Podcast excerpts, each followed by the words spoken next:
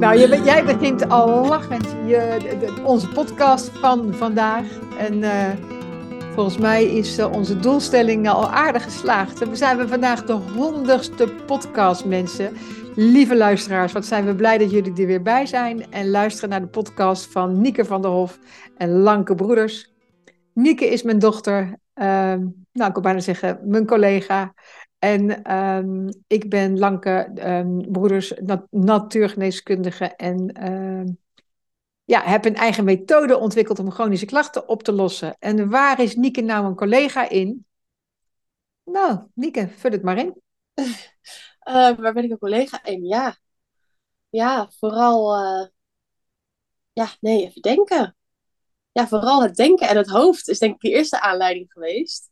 Um, ja, we zijn begonnen ook ongeveer rond de eerste aflevering van de podcast zo. Dat lag echt niet ver uit elkaar dat ik begon te werken voor het centrum. Uh, we zijn begonnen om te brainstormen. Om, um, om ja, nou ja, wat ik nu ga vertellen is een hele terugblik. En dat is ook eigenlijk precies wat we deze aflevering willen doen. Terugblikken op 99 afleveringen van de podcast.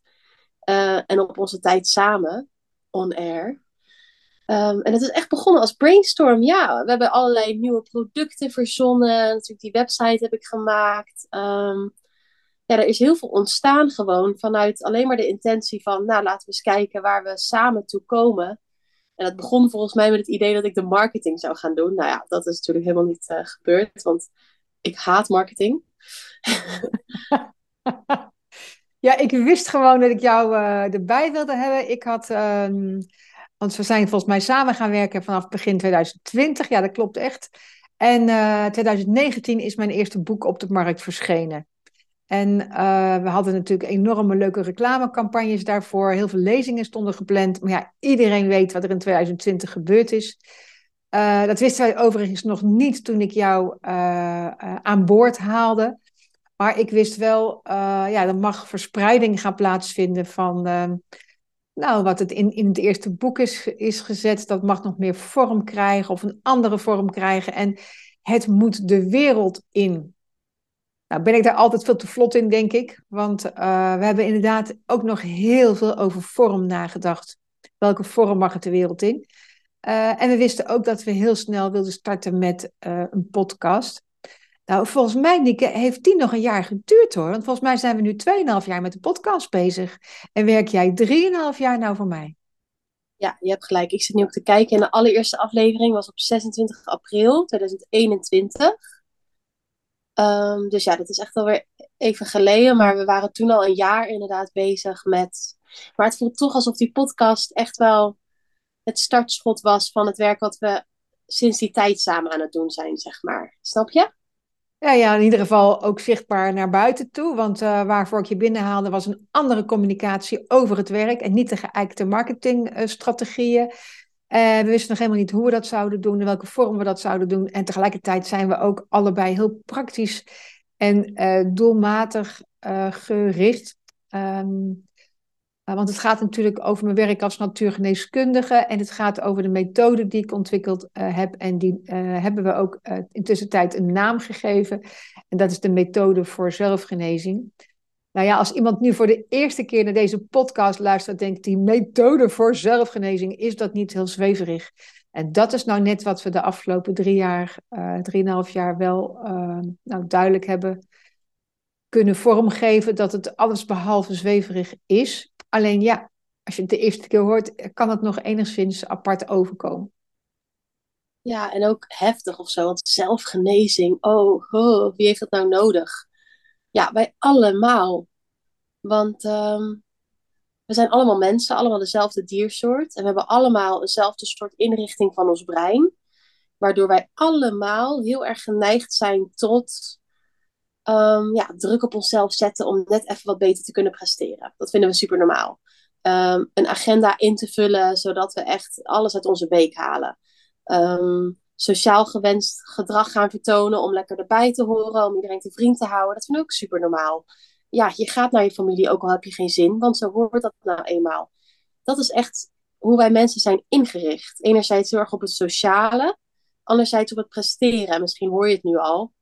Dat is natuurlijk al bij ons sinds de oertijd. Hè. We zijn gewoon mensen die al sinds de oertijd op deze aarde rondlopen. En we hebben nog steeds dezelfde inrichting van dat brein. Enerzijds winnen, presteren, vechten, jagen. Anderzijds is de groep altijd heel erg belangrijk geweest. Nou, ik vind het echt heel tof wat jij probeert binnen vijf minuten een samenvatting te geven van heel veel werk wat we in tussentijd uh, ontwikkeld hebben. Uh, als jij uh, als nieuwe luisteraar denkt, wat krijg ik nu toch over me heen? Nou, kijk vooral op de website, boek een gratis kennismaking als je dat wil. Um... Ja, ja, precies. Het is natuurlijk nogal veel, maar ik denk ik probeer het toch even een beetje samen te vatten om aan te geven dat we allemaal zelfgenezing kunnen gebruiken. Want ja, die, die manier waarop onze hersenen werken maakt ervoor dat we in de moderne tijd enorm veel druk op onszelf zetten. Kijk, ooit waren die hersenen zo ingericht natuurlijk om te overleven, maar vandaag de dag ja, zijn we constant getriggerd. En ik denk dat mensen het wel herkennen dat bijvoorbeeld steeds meer van ons zich overprikkeld voelen, hoogsensitiviteit gebruiken. We merken er allemaal echt wel wat van. We leven gewoon in een tijd die heel anders is dan de oertijd. Veel meer prikkels, veel meer gebeurtenissen, veel meer ballen die we hoog willen houden. Social media zorgt ervoor dat we constant met veel te veel mensen voor ons hoofd, zeg maar, te maken krijgen. Nou, we zitten eigenlijk in een constante stressreactie. En we kunnen zelfgenezing dus echt wel gebruiken. Of, ja, je kan het ook anders noemen ons leven kan een stuk ontspannender en leuker. En, uh, en ja, dat hakken we gewoon steeds in superkleine stukjes per podcastaflevering. Hoe kan je leven nog ontspannender en leuker? Ja, nou, ik vond het wel inderdaad wel leuk wat je net zegt van uh, iedereen of steeds meer mensen herkennen dat ze overprikkeld zijn. Want zelfs je vader gisteren, die altijd, die waarvan je toch altijd denkt, nou die kan wel heel veel, uh, heel veel impulsen hebben, zei gisteravond toen we lekker buiten zaten te eten met z'n met, met, met z'n vieren, waren zelf uh, met onze pizza over pizza's aan het bakken en uh, in de buitenlucht met een jasje aan. Want is natuurlijk ook al eind september, maar oh, wat was het heerlijk om buiten te zijn. Zei haar vader, oh, ik denk dat ik overprikkeld ben. Ik denk, oh, wat leuk. Dat, uh, om dat te gaan herkennen van jezelf is namelijk al niet makkelijk. En ik denk dat steeds meer mensen dat inderdaad gaan herkennen. Dat ze uh, een beetje afgestomd zijn. Dat ze alleen maar geïrriteerd kunnen reageren um, als, je, als je moe bent. Als je eigenlijk je alleen maar terug wilt trekken en niet meer sociaal wilt doen. Dan zou het wel eens heel goed kunnen zijn dat je uh, overprikkeld bent.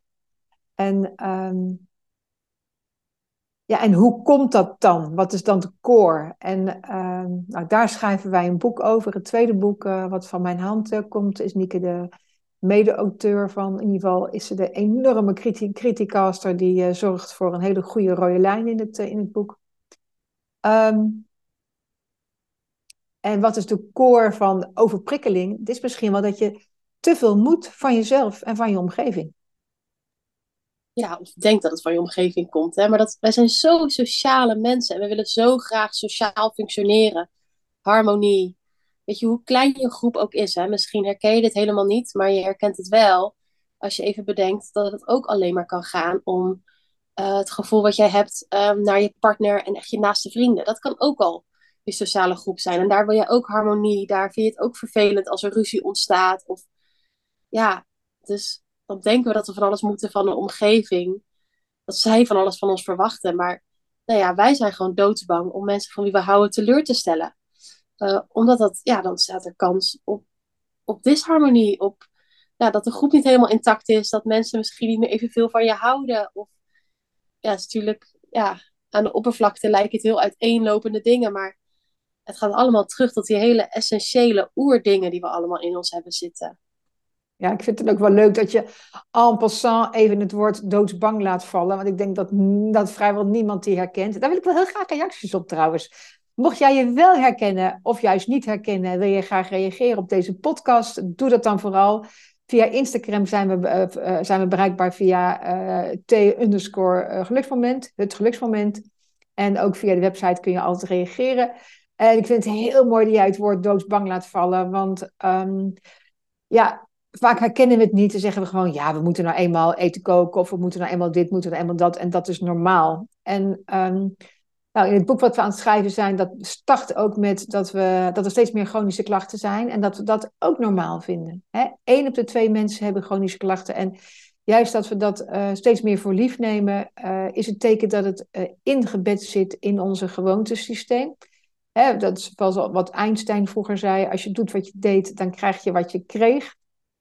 En dat is met heel onze gedachtegang is daar natuurlijk de basis van. Wat jij net heel netjes verwoordde als ja, ons overlevingssysteem. En daar hoort ook doodsangst bij. Hè? Dus onze stresssystemen zijn op een bepaalde manier ingericht uh, dat we onze omgeving als stress zien, waarop we nou, fight, flight, vriezen, vluchten, uh, nou, vechten, vluchten en bevriezen. Maar dat is ook het vrouwelijke overlevingssysteem. Dat is dat je je aan wil passen, erbij wil horen. Nou ja. Ja, en dat, laatste overlevingssysteem, dat inderdaad erbij horen en dat sociale, waarbij ik dus ook doodsangst gebruikte. Dat zag ik gisteren heel erg in mijn mannelijke, dus ja, Ehm, bij een man zag ik dat uh, vrouwelijk overlevingssysteem heel erg. En dat is mijn uh, praktijkbegeleider. Ik heb een nieuwe baan en ik loop nu zeg maar met iemand mee onder begeleiding voordat ik zelfstandig aan de slag ga. Nou, dat is dus een man en um, ieder man heeft trouwens het vrouwelijk overlevingssysteem in zich. Hè? Het uitzicht dan net op andere manieren. Maar bij hem zag ik het zo duidelijk. Want oh, hij werd in de auto, werd hij gebeld door um, iemand hogerop in de organisatie misschien wel de baas. Ik weet even niet zo goed op welk level hij zat. En die man die vroeg mijn begeleider uh, om wat te doen. En hij was echt poeslief aan het antwoorden. En ja, dat doe ik. En uh, oh, geen probleem. Dan uh, begin ik wel wat eerder. Zus en zo.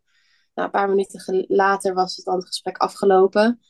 En had hij echt, liet hij een lange zucht. En ging hij meteen mopperen. Van, oh, ze vragen altijd zoveel van me. En bla bla. En ik zo, ja, maar waarom ben je dan in godsnaam zo lief en zeg je ja en amen op alles? Zeg, ja, maar je wil de ander ook niet teleurstellen. En toen begon hij zo. En daar zag ik dus de doodsangst. Ook al zag hij hem natuurlijk niet. De doodsangst om af te wijken van het hele patroon wat hij al heeft opgebouwd met de lieve en de behulpzame zijn. Doodsbang om daarvan af te wijken, want ja, waar kom je dan voor te staan? Word je dan afgewezen? Hoe gaan mensen dan reageren? Um, ja, ik weet niet, uh, vul zelf maar in waar die dan doodsbang voor kan zijn. Terwijl die het zelf een beetje afpoeiert met, ja, het is toch normaal, je wilt mensen niet teleurstellen. En weet je, zo zien ze mij nou eenmaal, dus zo heb ik me gewoon te, op te stellen. Ja, en daarom vind ik het wel mooi dat je het woord uh, in deze uh, terugblik-podcast wel noemt. Hè? Doodsangst, omdat we die uh, veel meer bij ons dragen dan dat we ons van bewust zijn. En misschien is het wel een hele leuke vraag om mee te nemen na deze podcast. Waar ben jij doodsbang voor?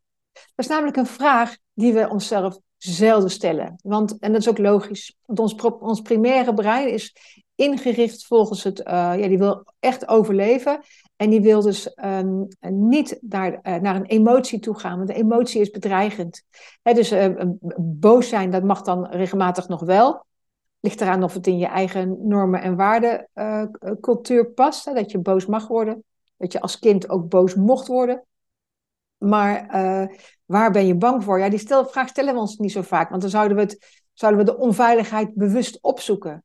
Uh, en dat wil je primaire brein domweg niet. Terwijl het omgekeerde waar is. Als je het wel jezelf uh, die vraag stelt, dan kan je wel tot hele verrassende antwoorden, antwoorden komen. En dus ook tot hele andere oplossingen.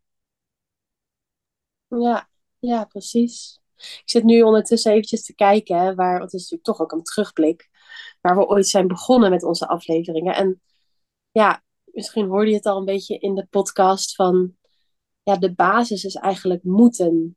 We moeten van onszelf alles, van alles. En soms kan je nog denken dat je het van je omgeving moet, maar kan je toch ook wel weer terugleiden naar jezelf, als je daar even wat langer over navoelt. We moeten van alles. En daar zijn we ook eigenlijk wel begonnen. Want de tweede aflevering deden we al over je to-do-list. En hoe je daar wat meer ontspannen in kan staan. Weet je dat nog? Ja, dat was ook een mooie. Ja, dat is een hele mooie. En dan had ik pas ook nog uh, een, cliënt uh, hiervoor in de sessie die, uh, die daar vragen over stelde. Van ja, hoe doe je dat nou? En En, en als je alleen een to-do-list hebt, ja, dan kom je toch ook aan bepaalde aspecten van jezelf niet toe. En daar is, zijn al best mooie boeken over verschenen. Ik heb alleen nog maar nu de, de Engelse in mijn hoofd ging over holocracy. Is een Engels boek. Uh, misschien kun je bij de publicatie van de podcast ook het Nederlandse boek nog uh, noemen. En, uh, dat, in het bedrijfsleven lopen ze toch wel vaak voor over, op van ja, hoe deel je nou je tijd het beste en het efficiëntst in. Het efficiënt is niet alleen maar dat wat je doet overleven, maar ook, is niet alleen maar wat je economisch winst oplevert, maar ook dat je dat gezamenlijk goed moet doen. Het team moet ook goed functioneren. Iedereen moet de juiste rollen hebben, bijvoorbeeld. En een heel nieuw time management systeem een aantal jaren geleden was dat je al je eigen rollen is onder de loep ging nemen. De gewenste rollen en de rollen die je hebt. En dat je daar de verschillende taken eens bij gaat uh, benoemen. Dan begin je vanuit rollen en ook gewenste rollen. En uh, vaak hebben we onszelf, geven we onszelf veel te grote uh, taken. Dan is het niet, uh, geef, die, geef die ene plant water, maar dan moet je gelijk alle planten water geven of de hele tuin, weet ik veel. Je moet vaak veel te grote stappen zetten. En het is dus echt leren denken in kleine stapjes om uh, aan de verschillende wensen van jezelf tegemoet te komen. Ja, ja dat is, en dat is enorm lastig, want ja, wij noemen het dan al inderdaad van ja, op zo'n moment moet je van jezelf te veel presteren. En dat is weer echt het oude overlevingssysteem. Van eigenlijk, eigenlijk ben je gewoon met een wild dier in gevecht. Als ik ergens aan begin, dan moet ik het wel goed doen, vind ik. Anders kan ik het net zo goed helemaal niet doen. Dat zei laatst nog iemand tegen mij ja, ik kon daar toen niet echt tegen ingaan, want ik merkte dat diegene er echt helemaal lekker in zat of zo. Dus heb ik ook maar niks van gezegd. Um, maar ja, dan krijg je inderdaad dat je gaat beginnen aan een project en dat het project enorm veel stress oplevert. Want je hebt die mindset van ja, als ik ergens aan begin, moet ik het wel goed doen, anders kan ik het net zo goed helemaal niet doen. Is het dan nog lol? Is het dan nog leuk? Je ziet dan gelijk een hele grote, grote kluwe voor je van allerlei verschillende, wat je niet meer herkent als subtaakjes, maar dat gewoon één grote taak voor je neus ligt. En daar moet je aan beginnen. En dan zijn we ons van binnen eigenlijk al een beetje, pardon mijn taal, een beetje aan het opfokken om dat maar voor elkaar te krijgen.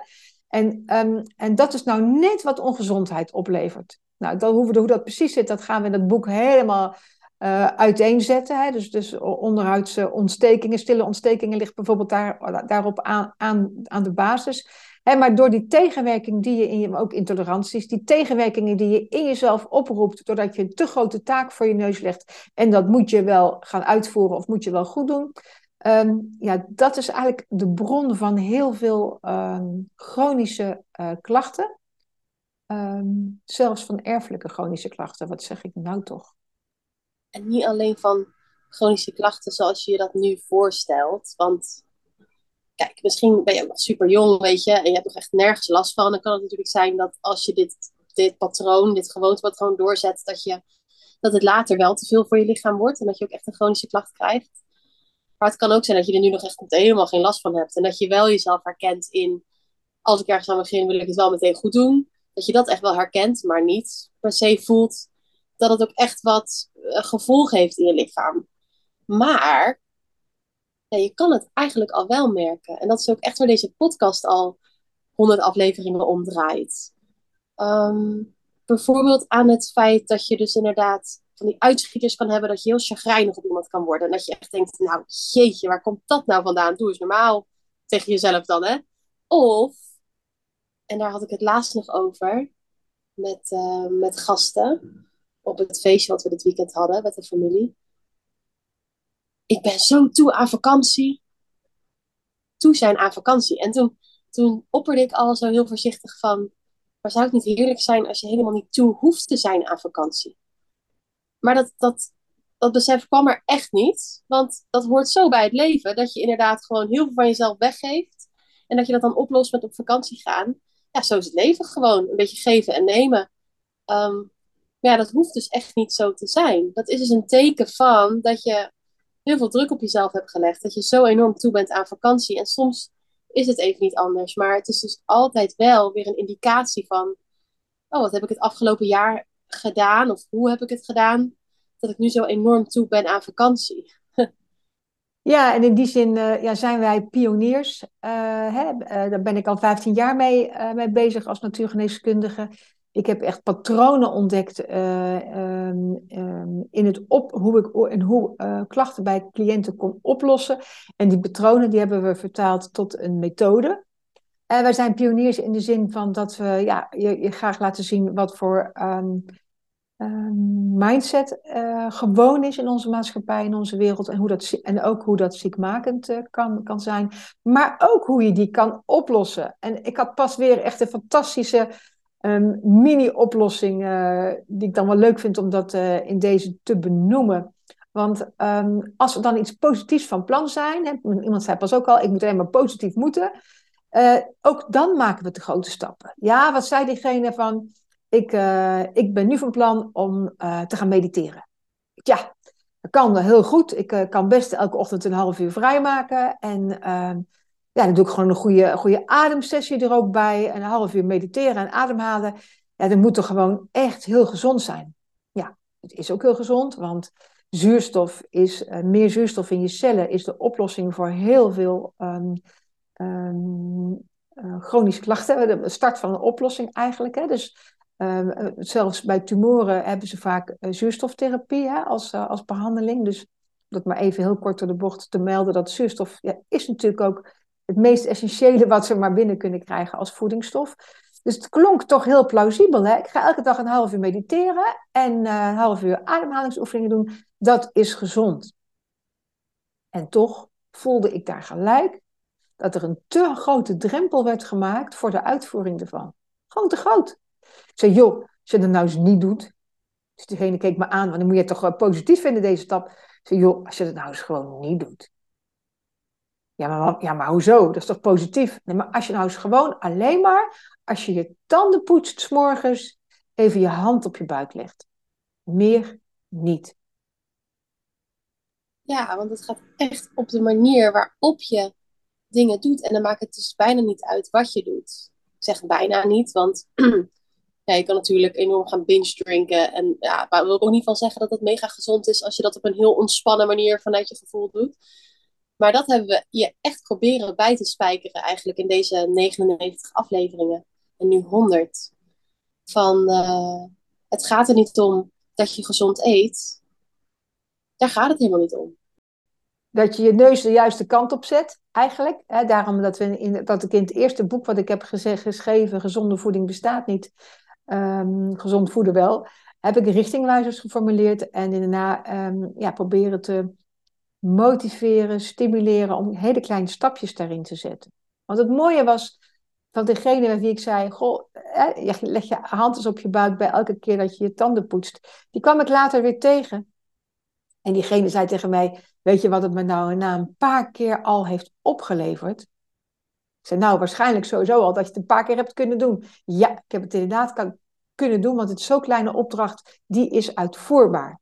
Nou, dat is al belangrijk, want als een kleine opdracht jou, uit je, uh, jou feite naar een nieuw gewoontesysteem wil brengen en het moet uitvoerbaar blijven, het is niet een, een dieet van zes weken, maar echt een opdracht die uitvoerbaar blijft, dan moet het klein zijn. Dan moet je daar je ook goed bij voelen, want dan gaan jouw hersenstructuren die gaan jou daarin helpen en wel het limbische systeem. Maar goed, in deze had hij ook nog een positieve uitkomst, want hij zei, ik merkte gelijk dat ik eigenlijk te hard mijn tanden poets, en ik merkte dus nu ook voor het eerst dat ik geen bloed verloor bij het uitspugen. Ja, een beetje vies. Bij het uitspugen van, de, van de tandpasta op het eind had ik voor het eerst geen bloedverlies. En daar maakte ik me nou de laatste tijd stiekem steeds meer zorgen over. Het bloedverlies bij het tandenpoetsen.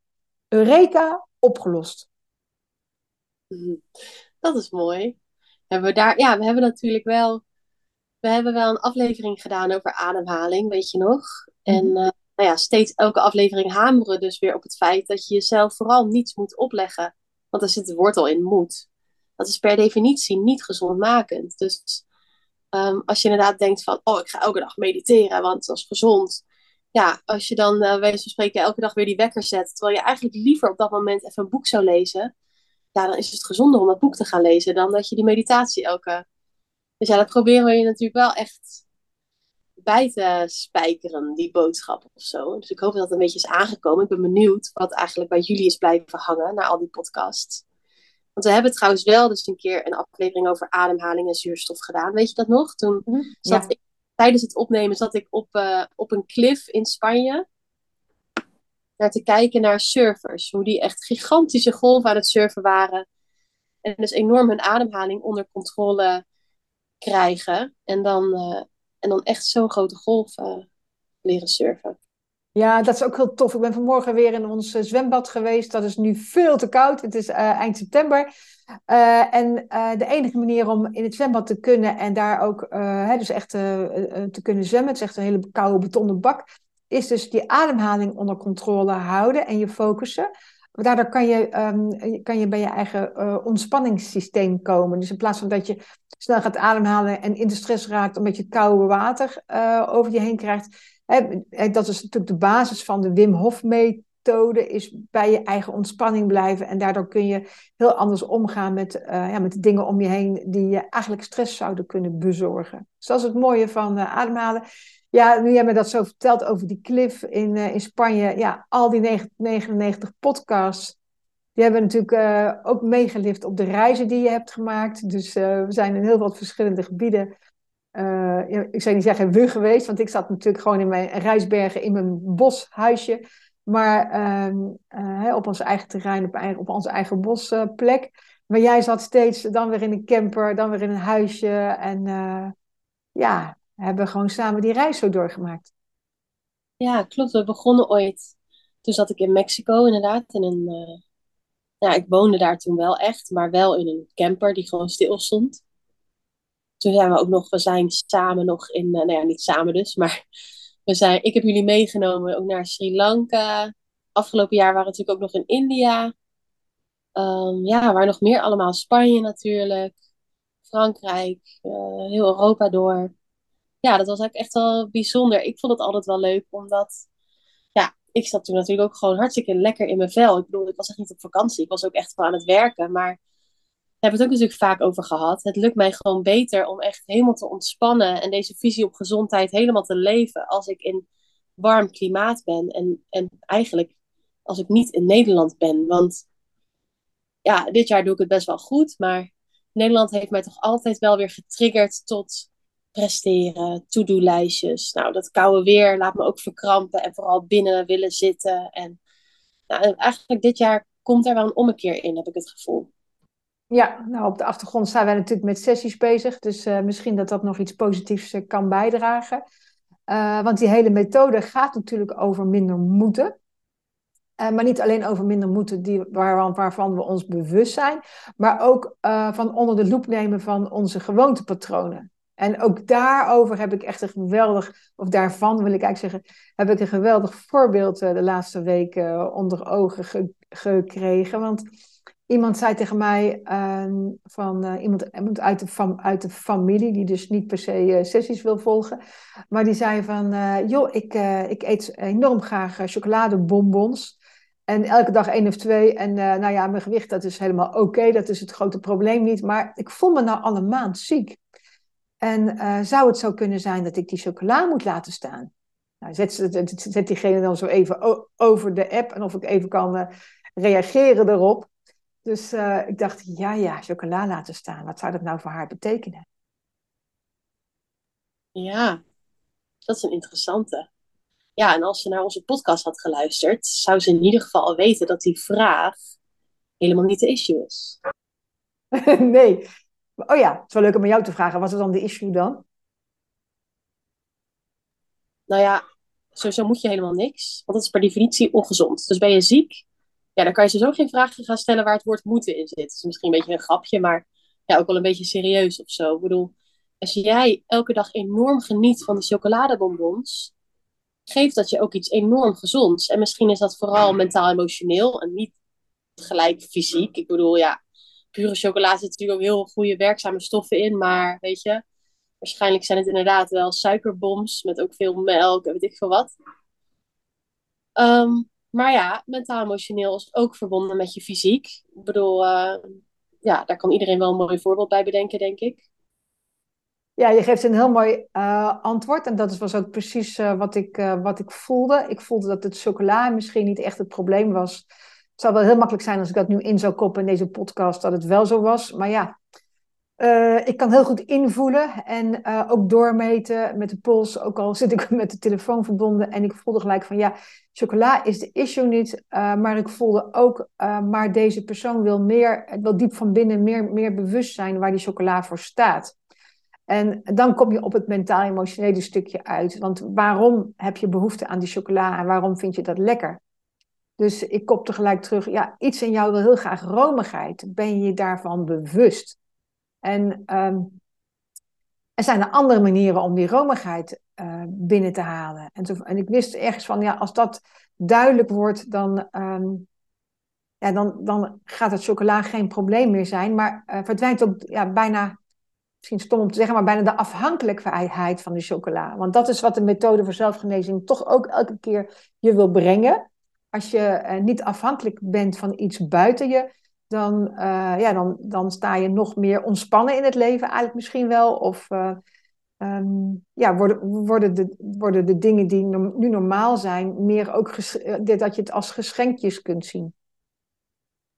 Ja, ja en we hebben ooit aflevering 6 hebben we gewijd aan dit onderwerp. Emotie eten is gezond, heette dat. Dus dat gaat ook heel erg hierover. Eigenlijk had je die gewoon kunnen doorsturen. Want um, ja, aan die chocola kan het natuurlijk liggen. Maar het is dan vervolgens geen oplossing om jezelf dat te gaan verbieden zonder op zoek te gaan.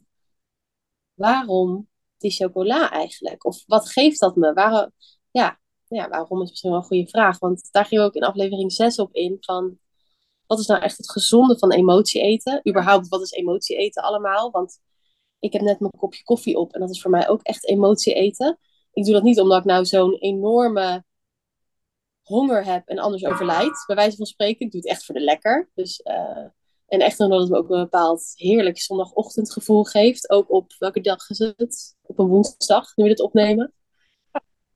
Dus ja, dat was wel echt een leuke aflevering, vond, het, vond ik. Dat ging echt over de basis en over ja, wat er allemaal schuil gaat achter je emotie eten. En dat dat echt de moeite waard is om te onderzoeken voordat je überhaupt maar gaat denken aan hoe kom ik van deze slechte gewoonte af. Ja, nou ja, dat, dat is ook wel wat ik, uh, wat ik nu zie dat aan het gebeuren is met diegene, want die is heerlijk op onderzoek uit aan het gaan. Uh, op fysieke uh, manier. terwijl ik verwacht dat er ook mentaal-emotioneel daar een ontwikkeling bij zit.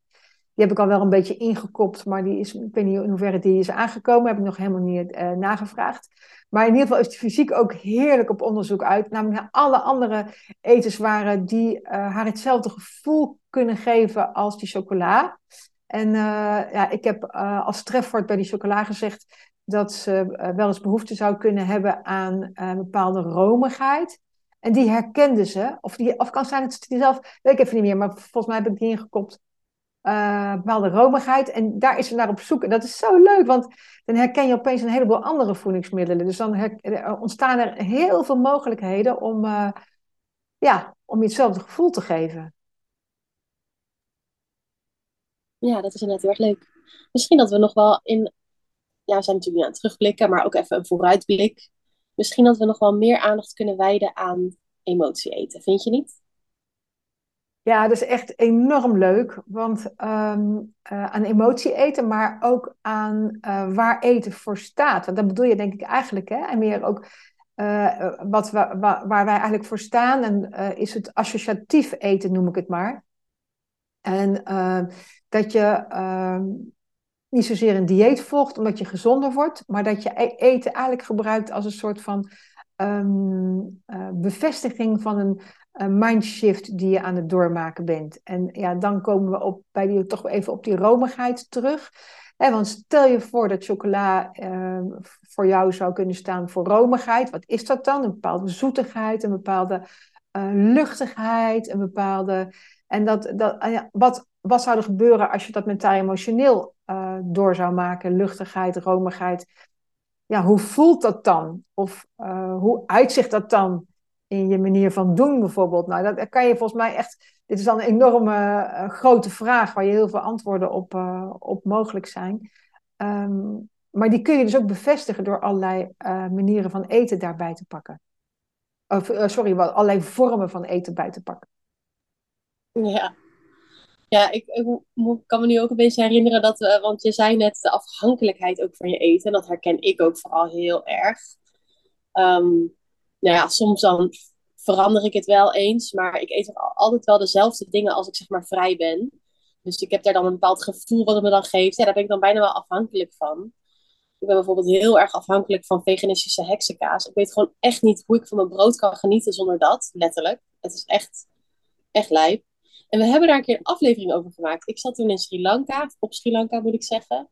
Kan je dat nog herinneren? We maakten toen een uh, aflevering over symbiotische relaties. Nou, dan denk je natuurlijk meteen aan. Uh, ik zat toen trouwens echt in een symbiotische relatie. Dus wel grappig dat ik dat onbewust, bewust zo door had. Maar we hadden toen ook vooral over symbiotische relaties met eten.